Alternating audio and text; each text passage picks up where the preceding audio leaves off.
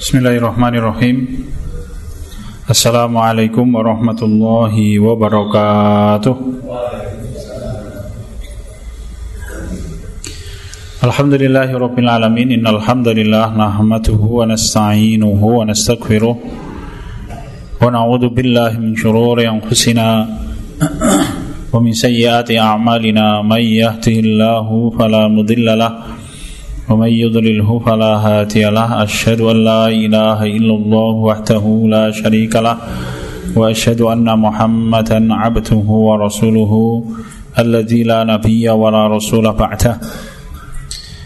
اللهم صل على محمد وعلى آل محمد كما صليت على إبراهيم وعلى آل إبراهيم.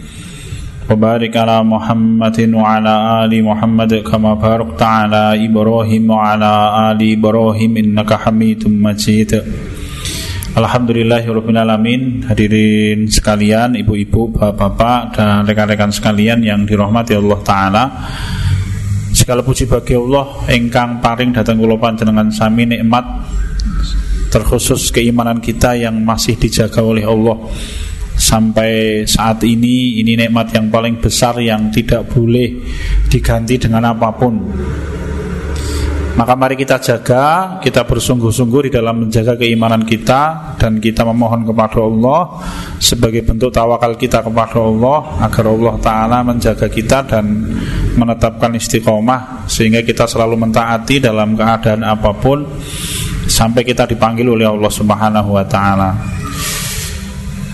Tidak lupa meskipun sudah jauh waktunya kulo aturaken taqabbalallahu minna wa minkum bagi bapak-bapak dan rekan-rekan yang belum bertemu dengan saya.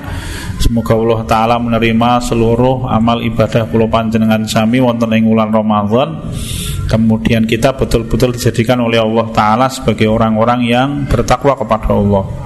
Orang-orang yang bertakwa adalah orang-orang yang memiliki level keimanan paling tinggi ada tiga tingkatan di dalam Islam. Satu muslim di atasnya mukmin di atasnya muhsin atau mutakin nama lainnya.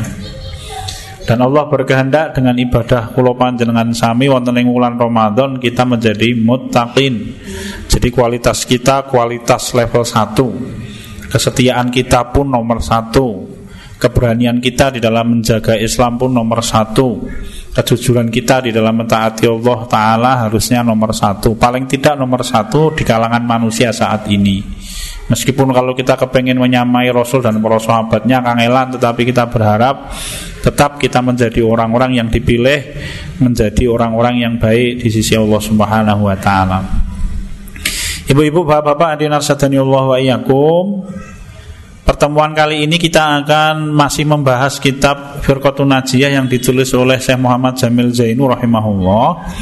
Pembahasan kita mulai bab ke-8 sekarang setelah sebelum Ramadan kita bahas pembahasan paling akhir yaitu bab yang ke-7 makna dari syahadat Muhammad Rasulullah. Kita bahas sekarang tentang makna iya kana abudu wa iya kana stain. Hanya kepadamu wahai Allah kami betul-betul beribadah dan sungguh-sungguh hanya kepadamu saja kami meminta pertolongan. Ini adalah ayat yang menjadi inti dari surat Al-Fatihah. Jadi kalau kita membaca surat Al-Fatihah ya surat Al-Fatihah ada tujuh atau delapan ayat berbeda nanti di para para ulama. Ada yang menyampaikan tujuh ada yang mengatakan delapan. Ya, Bismillahirrahmanirrahim. Alhamdulillahirabbil alamin Ar-Rahmanirrahim. Maliki yaumiddin. Iyyaka na'budu wa iyyaka nasta'in. Ihdinas siratal mustaqim. Siratal ladzina an'amta 'alaihim ghairil maghdubi 'alaihim waladdallin. Ada delapan. Delapan kalau bismillah tidak dimasukkan di dalam surat Al-Fatihah Ya, eh mohon maaf, delapan kalau bismillah dimasukkan di dalam surat Al-Fatihah, tujuh apabila surat Al-Fatihah tidak dimasukkan di dalamnya bismillah. Nah, ini tidak masalah, Mas. J. Tapi intinya bahwa di antara inti bukan di antara inti dari sekian ayat yang Allah turunkan di dalam surat Al-Fatihah, ini pokoknya ada di dalam ayat ini. Iyyaka na'budu wa iyyaka nasta'in. Sedangkan surat Al-Fatihah itu adalah inti dari Al-Quran Maka ini adalah surat yang paling sering dibaca oleh kaum muslimin Baik di dalam sholat ataupun di luar sholat Jadi sahabat Ibnu Abbas radhiyallahu anhu menyampaikan Seluruh rangkuman Quran itu oleh Allah dijadikan satu di dalam Al-Fatihah. Satu terkait dengan Tauhid Iya karena wa iya karena stain Yang kedua terkait dengan ibadah Ya iya karena wa iya karena stain itu. Kemudian yang ketiga terkait dengan sejarah. Dari mana itu? Allah Ta'ala menyebutkan Ghairil maghdubi alaihim ihdinas siratal mustaqim Siratal ladhina an'amta alaihim Ghairil maghdubi alaihim waladhalin Itu kisahnya orang yang dimurkai oleh Allah Dan kisahnya orang-orang yang dibenci oleh Allah Ta'ala Di antara kelompok orang yang dimusuhi oleh Allah Dan kisahnya orang-orang yang disayangi oleh Allah Dimuliakan Yaitu orang-orang yang diberi nikmat Ya, dari semua itu intinya ya diletakkan oleh di dalam iya karena abu dua iya karena stain. Ya. Maka kita akan membahas tentang bab iya karena abu dua iya karena stain. Karena ini adalah inti dari kehidupan kita di dunia. Ya ini pekerjaan kita. Maka seorang muslim silahkan menumpahkan seluruh waktunya untuk menjabarkan iya karena abu dua iya karena stain. Kenapa? Sekali lagi ini tugas yang paling besar di dalam kehidupan kita. Kalau Imam Ibnul Qayyim al-Jauziyah rahimahullah menjabarkan iya karena abu dua iya karena stain ini ada di dalam 66 tingkatan. Kalau Anda kepengen membaca silakan dibaca kitab Madari Salikin yang ditulis oleh Imam Ibnul Qayyim al-Jauziyah. Ada 68, 66 tingkatan dan 66 tingkatan itu bagian dari proses orang berjalan menuju iya karena abu dua iya karena stain yang sempurna. J. Maka memang tugas kita monggo sinau ibu-ibu bapak-bapak. Tugas kita belajar. Orang itu tidak akan mau mentaati Allah ketika dia tidak mengenal Allah Subhanahu wa taala. Apa toh yang menghalangi manusia untuk cinta kepada Allah? Apa yang menghalangi manusia untuk taat dan patuh kepada Allah? Apa yang menghalangi manusia untuk taat kepada ajaran Islam secara totalitas? Karena dia tidak mengenal Islam, dia tidak mengenal Allah. Ya, Orang mengira bahwa urusan Allah itu remeh Seperti pandangan orang-orang Yahudi Zalika bi'annahum qalu lan tamassanan naru illa ayyaman ma'dudah Kenapa orang-orang Yahudi itu dikenal dengan apa sikap mereka yang sangat ingkar kepada ajaran Allah? Kenapa orang Yahudi dikenal sebagai orang yang sangat benci dengan kebenaran yang diturunkan oleh Allah? Karena mereka meremehkan urusannya Allah. Orang-orang Yahudi itu mengira bahwa kalau mereka masuk neraka itu hanya beberapa hari. Lantamassanan naru illa ayyaman ma'dudah. Ya, mereka mengatakan, nah kalaupun toh kami masuk neraka itu paling hanya hari-hari tertentu sajalah, beberapa hari, terbatas. Nanti di dalam satu keterangan seminggu mengan mas. Dan kuwi saya mlebu swarga kabeh. Maka Allah Ta'ala menyampaikan Innalladzina kafaru min ahlil kitab wal musyrikina fi nari jahannam khalidina fiha. Sedangkan Allah Ta'ala mengatakan sungguh orang kafir dari golongan orang-orang ahlul kitab Yaitu Yahudi dan Nasrani Dan orang-orang musyrik Itu neraka jahanam. Salawase kata Allah Ta'ala. Bapak-bapak ibu-ibu Ketika kita kepengen menikmati surga Itu sebenarnya cukup dengan keterangan Khalidina fiha abada ayat selanjutnya orang-orang mukmin ya orang-orang yang sebagai khairul bariyah itu melebu swargo salawase itu sudah cukup menggambarkan betapa enaknya swargo ya anda tinggal di suatu negeri rezekinya mengalir rasa jasa nyambut gawe. Kepengen mangan sarimi ora mangsa langsung celing dadi. Kepengen beli es krim karena saya paling suka es krim itu langsung ya dadi itu. Dan anda tinggal di negeri seperti itu lawas. Itu cukup menggambarkan kita betapa nikmatnya orang masuk surga.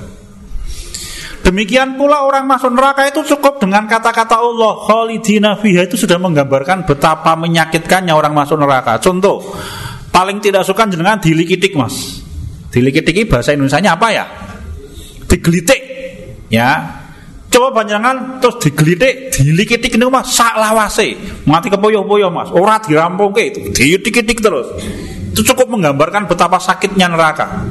Bayangkan kalau orang masuk neraka itu hukumannya dicubit ming dijiwiti mas ning saklawase ora tahu mandek lenjiwiti itu sudah menggambarkan betapa menyakitkannya neraka sedangkan masuk neraka itu tidak ada orang yang hukumannya kok dijiwit itu buat nonton Rasul kita Muhammad Shallallahu Alaihi Wasallam ngendika bahwa hukuman neraka yang paling ringan itu Allah timpakan kepada seorang laki-laki yang kakinya diikat dengan rantai yang terbuat dari api sehingga otaknya umat ming dingonoke oleh Allah Taala. Siapa lelaki itu? Sinten? Abu Talib. Dan tidak ada orang yang dihukum oleh Allah ming ngoten niku, ming. Nyuwun ngapunten kata-kata ming itu bukan dibanding dengan yang lain maksudnya. Jadi orang yang paling ringan siksa nerakanya itu Abu Talib.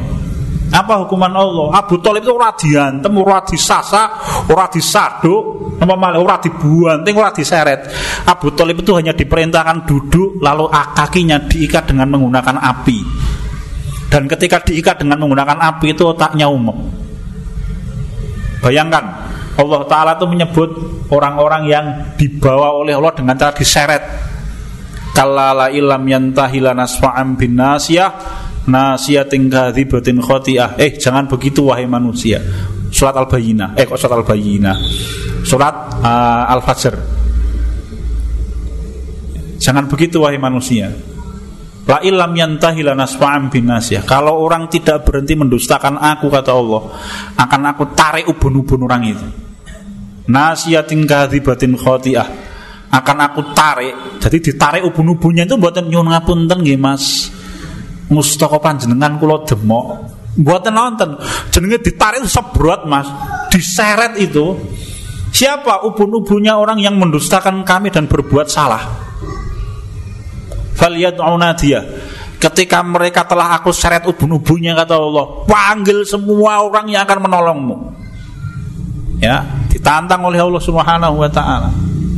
Bapak-bapak Terus Abu Lahab, Abu Lahab, Abu Jahal itu oh Abu Jahal, Abu Talib itu hukumannya paling ringan dan hukuman paling ringan di neraka itu diikat dengan menggunakan rantai yang terbuat dari api. Ini belum diantemi orang diseret orang didoa doa nggih Bapak. Bayangkan itu hadirin sekalian nasadani Allah wa iyyakum. Kenapa orang Yahudi begitu meremehkan urusannya Allah Subhanahu wa taala dan mohon maaf, sikap meremehkan Islam dan meremehkan urusannya Allah itu menjadi penyakit hati banyak di antara kaum muslimin. Kenapa? Karena jahil kepada Allah. Dia tidak mengenal Allah itu siapa. Ali bin Husain bin Ali bin Abi Thalib radhiyallahu anhu, cicitnya Kanjeng Nabi kita Muhammad wasallam, buyute Kanjeng Nabi Muhammad wasallam. Itu kalau mendengar suara azan, kemudian belum mengambil air wudhu ya beliau dikenal sebagai Zainal Abidin. Jelukane Zainal Abidin. Nama aslinya Ali. Ali bin Husain bin Ali bin Abi Thalib radhiyallahu anhuma. Namanya Ming Ali. Loh kok jenis kok singkat banget? Barokahnya justru begitu pak. Jadi nama itu memang paling baik singkat jadi meskipun namanya saya panjang tiga kata. Kenapa nek munggah kasih kudu tiga kata? J, tapi saya suka nama saya karena nama saya itu satu kata Fahru Rozi. Meskipun nanti oleh orang dipisah jadi dua. J. Jadi nama itu semakin pendek semakin baik. Hasan Ahmad J. Dan itu begitu dipanggil panggil itu dungo langsung. Hasan cukup J. Ali bin Husain bin Ali bin Abi Thalib puniko kalau mendengar suara azan lalu beliau mengambil air wudhu maka wajahnya pucat pasi. Hijau koyok mayit. Pembantunya menanyakan Tuhan kenapa kok anda seperti itu? Apa jawabannya Ali bin Husain bin Ali bin Abi Thalib radhiyallahu anhu? Belum mengatakan aku tahu aku akan menghadap siapa. Jadi, siapa itu Allah Subhanahu wa taala ada seorang sahabat namanya Muhammad bin Maslamah. Ada yang mengatakan adiknya Muslim bin Maslamah radhiyallahu anhu. Itu kalau mendengar suara azan Allahu akbar Allahu akbar langsung pucat nih Mas. Gua neng masjid. Begitu mendengar suara azan. Ketika ditanya kenapa begitu jawabannya sama Karena aku tahu yang memanggil itu hakikatnya siapa Sing nyeluk ini muadzin Tapi siapa yang perintah muadzin untuk memenggunakan Karena aku tahu siapa yang memerintahkan maka semua pekerjaannya ditinggal. Ini orang yang mengagungkan Allah sehingga orang yang menganggap urusan Allah besar itu tanda ketakwaan. Ini ngendika sinten Allah taala. Wa may yu'azzim sya'airallahi fa innaha min taqwal qulub. Siapa pun orang yang mengagungkan siar-siarnya Allah, salat itu siarnya Allah, naik haji itu siarnya Allah. Seorang wanita muslimah keluar rumah pakai jilbab itu siar. Seorang lelaki ketika dia berjalan kemudian dia menjaga akhlaknya dengan akhlak Islam itu syiar. Syiarnya Allah Ta'ala. Dan siapa pun orang yang mengagungkan syiarnya Allah, maka itulah tanda ketakwaan dia kepada Allah. Dua bapak-bapak, wong paling kafir sekalipun, itu akan mengagungkan Allah di mana? Neng neraka, ning ora gunane. Ya, jadi semua orang kafir yang mlebu neraka, apa ada orang kafir yang masuk surga? Ora ono. Maka semua orang kafir masuk neraka itu semuanya akan mengagungkan Allah. Kapan di neraka? Ming mengagungkan Allah yang neraka. Ora ono gunane. Karena mengagungkan Allah itu bermanfaat ketika kita hidup di dunia ini. Jadi taatnya kita kepada Allah itu bermanfaat kapan? Ketika kita tinggal di dunia mentaati Allah. So nek wis mati, waduh yung kepengen mentaati Allah, orang ana gunane. Kapan engkau dulu tinggal di dunia? Falamma adrakahul gharaqu qala amantu anahu la ilaha illalladzi amanat bi banu Israil wa ana minal muslimin. Qala al ana wa qad asaita qabla kunta minal mufsidin. Allah ngendika kapan ini ketika Firaun tenggelam ke dalam lautan Nggih to begitu tenggelam gulaget-gulaget war mati terus wah aku beriman kepada Tuhannya yang diibadai oleh Bani Israel. Aku beriman wahai Allah. Begitu dia mati dijawab oleh Allah, "Hei Firaun, sekarang kamu beriman. Dulu ketika engkau hidup, engkau orang yang paling kafir, orang yang paling suka berbuat kerusakan di muka bumi ini." Allah menjawab ngaten Bapak-bapak Ibu-ibu. Ya, jadi iya karena abu tua iya karena stain hanya beribadah kepada Allah Taala tugas pokok. Tugas yang lain silahkan ditinggal untuk mengerjakan tugas pokok. Tugas pokok ini tidak boleh ditinggal untuk mengerjakan tugas yang lain. Begitu hadirin sekalian nasadani Allah wa iyyakum. Maka Allah taala menyampaikan wa ma khalaqatul jinna wal insa illa liya'budun. Jadi Allah yang ngangen loh Bapak Ibu-ibu. Tapi kenapa kok orang yang beriman itu katanya mentaati Allah, Allah tuh maha kaya min kok orang-orang yang beriman uripe sengsara. Jenengan mirsani pundi, Mas? Nggih. Jenengan sing jenengan mirsani pundi nek? Jenengan mirsani Qatar mboten? Lho orang yang beriman iki sugih-sugih. Ten riko niku pajero spot Rolls-Royce niku nggo numpake unta. Nggih, itu kalau panjenengan pergi ke Qatar, jenengan pirsani tiang pundi niku? pojok desa. Ya wangun nek pojok desa nggih to? Nggih. Tapi kalau Anda pergi ke Qatar Anda pergi ke Bahrain Anda pergi ke Kuwait itu biasa saat diceritai sama teman saya ya itu neng timur tengah niku biasa orang yang sambil sana itu belakang rumah. Itu ada oh, belakang rumah depan rumah. Itu ada landas sepatu pesawat jet pribadi. Eh teman saya itu cerita jalan kaki dari pintu belakang menuju pintu depan rumah 10 menit mas. Awal itu 10 menit itu melakukan masjid. Ya hadirin sekalian Sepindah malih kalau panjenengan ngendika ngopo kok wong susah ya uripe. Kula malah matur lan jenengan mirsani tiange sampung pundi, Mas. Ya. Kalau Anda melihat orang yang agamanya selain Islam neng Timur Leste ya ketemu jenengan. Ayo. Ayo, jenengan lihat orang yang agama selain Muslim lu ngoneng Papua Nugini ngono. Ono sing bagus, Mas. Tak disebut lho nggih. Ya. Begitu hadirin sekalian nasadani Allah wa iyyakum. Memang betul hari ini umat Islam diuji oleh Allah Subhanahu wa taala, tetapi tidak menghilangkan kemuliaan kaum muslimin. Kemuliaan kaum muslimin itu datangnya dari mana? Ketika mentaati Allah. Sedangkan dunia itu diberikan kepada siapa saja yang dikehendaki oleh Allah Subhanahu wa taala.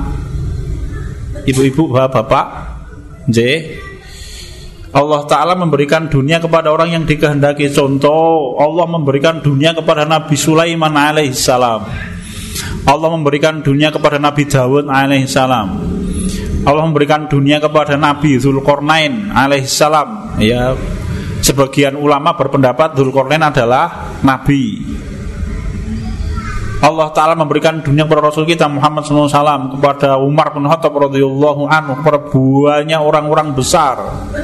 Tetapi Allah juga memberikan dunia kepada Hitler. Gitu, Lenin, Stalin Sinten Male, Napoleon Bonaparte Sopemeneh ya dan lain-lain. Orang yang kita sebutkan kelompok di depan ketika diberikan oleh Allah Ta'ala dunia ya aqamus shalah wa atawuz zakah wa amaru bil ma'ruf wa nahu 'anil munkar walillahi aqibatul umur. Kelompok pertama adalah orang yang ketika diberi oleh Allah dunia mereka menegakkan sholat, mereka perintahkan semua orang untuk melaksanakan zakat. Mereka memerintahkan manusia untuk mengerjakan yang ma'ruf. Mereka memerintahkan manusia untuk meninggalkan yang mungkar. Walillahi akibatul umur dan bagi dan milik Allah. Hasil kembali yang paling baik yaitu surga bagi mereka. Sedangkan orang-orang kelompok kedua yang kita sebut adalah orang ketika diberi dunia berbuat kerusakan Sedangkan orang yang berbuat kerusakan di muka bumi ini tidak akan diberikan oleh Allah Ta'ala surga Tilkat darul akhiratu naj'alu halil ladina la yuriduna uluwan fil ardi wala fasada Wal aqibatu lil muttaqin Tapi ibu-ibu bapak-bapak Apa kesamaan orang pertama itu? Beberapa orang ada Nabi Daud, Nabi Sulaiman, Nabi Zulkarnain, Rasul kita Muhammad SAW, ada Umar bin Khattab radhiyallahu anhu. Apa yang menyamakan mereka? Meskipun kadar dunianya berbeda-beda, Nabi Sulaiman itu memohon kepada Allah Wahai Allah datanglah kepada aku Datangkan untuk aku Kekuasaan yang tidak dimiliki oleh siapa pun. Layam bagi liahatin min ba'di. Maka Allah kuasakan atas Nabi Sulaiman itu jin dan manusia. Kewan-kewan. Sehingga kalau Nabi Sulaiman itu jajar-jajar pasukannya Nengkuno no tuyul, no pocongan, no gendruwo, no kuntilanak gitu dan lain-lain mas. Jajar-jajar ya nanti sebagiannya manusia sebagiannya binatang terutama burung. Ya. Nabi Muhammad Shallallahu Alaihi Wasallam diberikan oleh Allah Taala kekuasaan yang lebih panjang secara maknawi. Ya beliau berkuasa selama berapa? Setelah tinggal di Madinah 10 tahun ketika beliau wafat kekuasaan beliau Jazirah Arab digantikan oleh Khulafaur Rasyidin sampai ke Pakistan nggih digantikan oleh urut-urutan ada Bani Umayyah, ada Bani Abbasiyah, ada Turki Utsmani. Akhirnya pengaruhnya saat dan bertahan selama 1400 tahun. Nabi kita Muhammad Shallallahu alaihi wasallam. Tetapi mereka punya kesamaan. Apa yang sama di antara orang-orang yang mulia ini? Bonge bagus nggih. Karena tidak ada nabi yang ora bagus.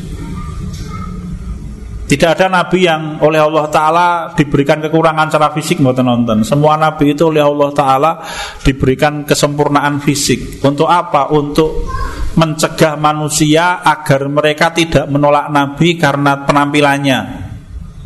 Maka semua nabi itu secara fisik sempurna. Nggih.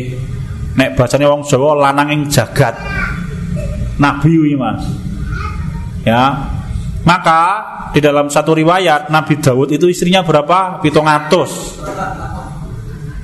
Awalnya dirasa mikir, gitu. Boleh untuk Nabi Dawud alaihissalam. Betul beliau bagus tenanan wong Mas. Nabi kita sama. Suatu saat sahabat Ibnu Mas'ud radhiyallahu anhu kalau tidak salah ditanya oleh muridnya, apakah wajah Rasul itu seperti pedang? ya berkilau-kilau seperti pedang pedang yang memperlihatkan ketajamannya? Tidak. Ibnu Mas'ud radhiyallahu anhu menjawab wajah Rasul itu indah seperti bulan purnama. Oke, hadirin sekalian Allah secara fisik. Bukan tapi yang menyamakan para nabi itu apa? Ketaatan mereka kepada Allah Meskipun nabi kita yang paling mulia, meskipun para nabi pun punya kelebihan-kelebihan masing-masing. Tapi mereka adalah orang yang keimanannya paling baik waktu itu. Kalau Rasul kita sepanjang Allah menciptakan manusia, beliau yang paling baik. Tapi kalau nabi yang hidup di satu masa, ya nabi yang paling orang yang paling apa ya nabi gue. Orang yang paling taat kepada Allah ya nabi ini itu. Di zamannya Nabi Isa alaihissalam dan setelahnya sebelum Rasul kita diutus, siapa orang paling baik? Ya Nabi Isa alaihissalam. Nabi kita Muhammad SAW sejak Nabi Adam sampai akhir zaman orang paling baik ya kanjeng Nabi Muhammad SAW. Jadi kalau kita kepengen diistimewakan oleh Allah Taala, mari kita taati Allah Taala. Ini prolog, prolognya kesuwen. Gitu. Keterangan singkat ini kita ambilkan dari apa yang disampaikan oleh Syekh Muhammad Jamil Zainur rahimahullah. Ayatnya iya karena abudu wa iya karena stain. Harusnya bentuk kalimatnya na'budu iyyaka wa nasta'inu iyyaka. Jadi iyyaka itu maf'ul. Maf'ulnya siapa Allah Ta'ala Fi'il kata kerjanya adalah Ibadah ya Na'budu dan nasta'in Itu kata kerjanya Pelakunya siapa? Kita manusia kami. Tetapi susunan kalimatnya oleh Allah Ta'ala dibalik. Ya Dibalik. Syekh Muhammad Jamil Zainur rahimahullah menyampaikan mendahulukan maf'ul bi objek. Iyaka didahulukan dari fi'il kata kerja na'budu dan nasta'in. Maksudnya adalah ibadah dan memohon pertolongan itu betul-betul dikhususkan hanya kepada Allah taala semata dan tidak kepada yang lain. Ini tugas pokok kehidupan kita Bapak-bapak. Apa itu ibadah? Ibadah itu tunduk, patuh, ibadah itu cinta. Nggih? Jadi ibadah itu maknanya itu Mahabbah At-ta'ah Wal khudu Jadi ibadah itu kita taat Hanya kepada Allah Ta'ala boleh tidak kita mentaati orang tua kita? Kalau orang tua kita memerintahkan kita untuk mentaati Allah Maka kita mentaatinya. Tetapi kalau orang tua kita memerintahkan kita untuk bermaksiat tidak boleh ditaati meskipun tetap kita diperintahkan untuk berbuat baik kepada orang tua. Tapi khusus untuk perintah yang bermaksiat tidak boleh. Leh lut bareng oleh orang oleh. Pun Pak, mboten kula mboten pengen lebet neraka Jawabannya dengan bahasa yang baik. Namisuh ora oleh. Wo gerang ki wudule bodong oleh, Mas. Anda harus menjawab dengan bahasa yang baik. Ya, tetapi mentaati perintahnya tidak boleh. Ini saja orang yang paling berhak untuk kita taati. Bagaimana dengan yang lain? Suatu saat di dalam riwayat disebutkan ada seorang sahabat yang mengeluhkan kenapa? Karena orang tuanya sering mengambil harta miliknya tanpa izin. Ya, mengambil harta miliknya tanpa izin. Jadi orang tua ini kita laki-laki, orang tua kita sering datang ke rumah terus mengambil penghasilan kita tanpa izin. Sahabat ini mengadu. Begitu diadukan kepada Rasul kita Muhammad Shallallahu Alaihi Wasallam, maka Rasul menyampaikan di dalam sahabat saya pernah mendapatkan bahkan orang tuamu itu memotong-motong tubuhmu kalau boleh membunuh orang itu boleh haknya orang tua, hanya tidak boleh tidak boleh seorang manusia memotong-motong tubuh orang lain. Tapi kalau misalkan boleh orang tua itu berhak kok. Nggih. Itu pun kalau mereka memerintahkan kita untuk bermaksiat kepada Allah tidak boleh ditaati. Kenapa ibadah itu ketaatan? Kalau orang mentaati orang tua, niatnya untuk mentaati orang tua yang memerintahkan kita melaksanakan kebaikan itu bagian dari takorup kita kepada Allah Subhanahu wa taala. Begitu ibu-ibu bapak-bapak hadirin Allah wa iyyakum. Ibadah itu ketaatan. Engkang ngongko kali ibadah itu mahabbah, cinta. Cinta ini yang mendorong orang untuk mentaati. Maka siapa pun orang yang paling dicintai, dia yang paling ditaati. Kalau ada orang mentaati, mencintai sesuatu selain Allah, pasti dia mentaati sesuatu itu melebihi ketaatan dia kepada Allah. Kenapa? Karena inti dari ibadah itu cinta. Rasul yang ngendiko. Jadi iman itu intinya benci dan cinta. Sehingga Rasul kita mengatakan au ural iman hubbu fillah wal. Ikatan iman yang paling kuat itu mencintai karena Allah dan membenci karena Allah. Tidak main-main loh ibu-ibu, bapak-bapak. Karena ini nanti akan menggerakkan orang untuk mentaati Allah. Jadi kalau ada orang yang tidak mau taat kepada Allah itu bukti kalau dia tidak terlalu cinta kepada Allah atau bahkan dia babar belas tidak cinta kepada Allah. Maka Allah menyampaikan kul in kuntum tuhibbunallaha fattabi'uni yuhibbukumullah wa yaghfir lakum dzunubakum. Siapa orang yang paling cinta kepada Allah, orang yang paling taat kepada Allah. Ayat itu yang menyampaikan. Jadi tidak ada orang yang mengatakan sing penting kula niku tresno dateng Allah, Mas. Salat boten boten, poso boten, kaji apa meneh Mas boten. Bapak-bapak, ibu-ibu kira-kira begini, kalau kalau kalau wingi Ramadan saya bertanya di salah satu pengajian. Ya, di salah satu kampung, saya tanya, "Pak, usung jawab bungok so itu simbah-simbah ning ngarepan kula." Misalkan panjenengan punya istri yang katanya mencintai panjenengan. Soal itu, cinta mati ning kon umbah-umbah gua, kon mangsak wek gua, kon dulang anake gua, kon gaweke kopi wek gua, kon nyapu wek gua, kon mepeni gua. Itu kira-kira ajeng panjenengan kapake, Mbak. Itu simbah-simbah ngarep dhewe bungo, kula gua, Pak. ya, betulan itu. Ramadan kalau wingi saya tanya. Kenapa? Lah cintanya palsu, Mas ngaku siamu ngelamis kalau bahasanya orang Jawa cintanya palsu. Seorang istri yang mencintai suami akan melayani dengan baik. Allah Ta'ala ketika dicintai oleh seorang hamba dengan sepenuh hati Maka hamba akan melayani Allah Subhanahu Wa Ta'ala. Bentuk pelayanan hamba kepada Allah Mentaati Allah. Karena Allah itu tidak butuh apa-apa dari hambanya. Ya Bapak-bapak mungkin kita bertanya lu ngopo Allah tuh tidak butuh apa-apa kok nek tidak ditaati marah. Karena Allah itu punya sifat pencemburu. Nggih. Hadis sahih riwayat pun Imam Bukhari. Nabi kita Muhammad SAW mendika al mukminu ya wallahu ya gharu wa ghairatullahi idza amala al abdu ma yakrahu. Berapa menit nih Mas? 7 menit. Rasul kita ngendiko orang mukmin itu punya sifat cemburu. Jadi kalau seorang kok tidak cemburu itu hati-hati, jangan-jangan imannya hilang. Dan Allah itu cemburu. Cemburunya Allah kapan ketika ada seorang hamba yang melakukan perbuatan yang dibenci oleh Allah. Di dalam hadis sahih Bukhari malih Rasul kita menyampaikan qala ma syai'un aghyaru minallah Falidzalika harramallahul fawahisha ma dhahara bihi wa ma batan au kama qala. Rasul kita menyampaikan tidak ada sesuatu yang lebih cemburu melebihi cemburunya Allah. Oleh sebab itu Allah haramkan semua perbuatan fahsya. Kelihatan atau tidak kelihatan. Suatu saat para sahabat bukan sebenarnya bukan sahabat pertama kali. Istrinya Sa'ad bin Ubadah itu mengadu kepada Rasul karena sifat pencemburunya Sa'ad bin Ubadah. Sampai saat bin Ubadah itu ngendiko kalau ada seorang kalau aku melihat seorang laki-laki yang berduaan dengan istriku tak bacok. Bahkan bahasa tak bacok maka akan aku pedang kepalanya kata Sa'ad bin Ubadah ini. Wong lenan nih mas Wong lenang, orang mas, oh matur nuwun nggih Mas, ora. Wo itu geger to Mas. Maka Rasul kita bertanya, atak jabuna min ghirati sa'adin. Apakah engkau takjub dengan girohnya, dengan cemburunya saat?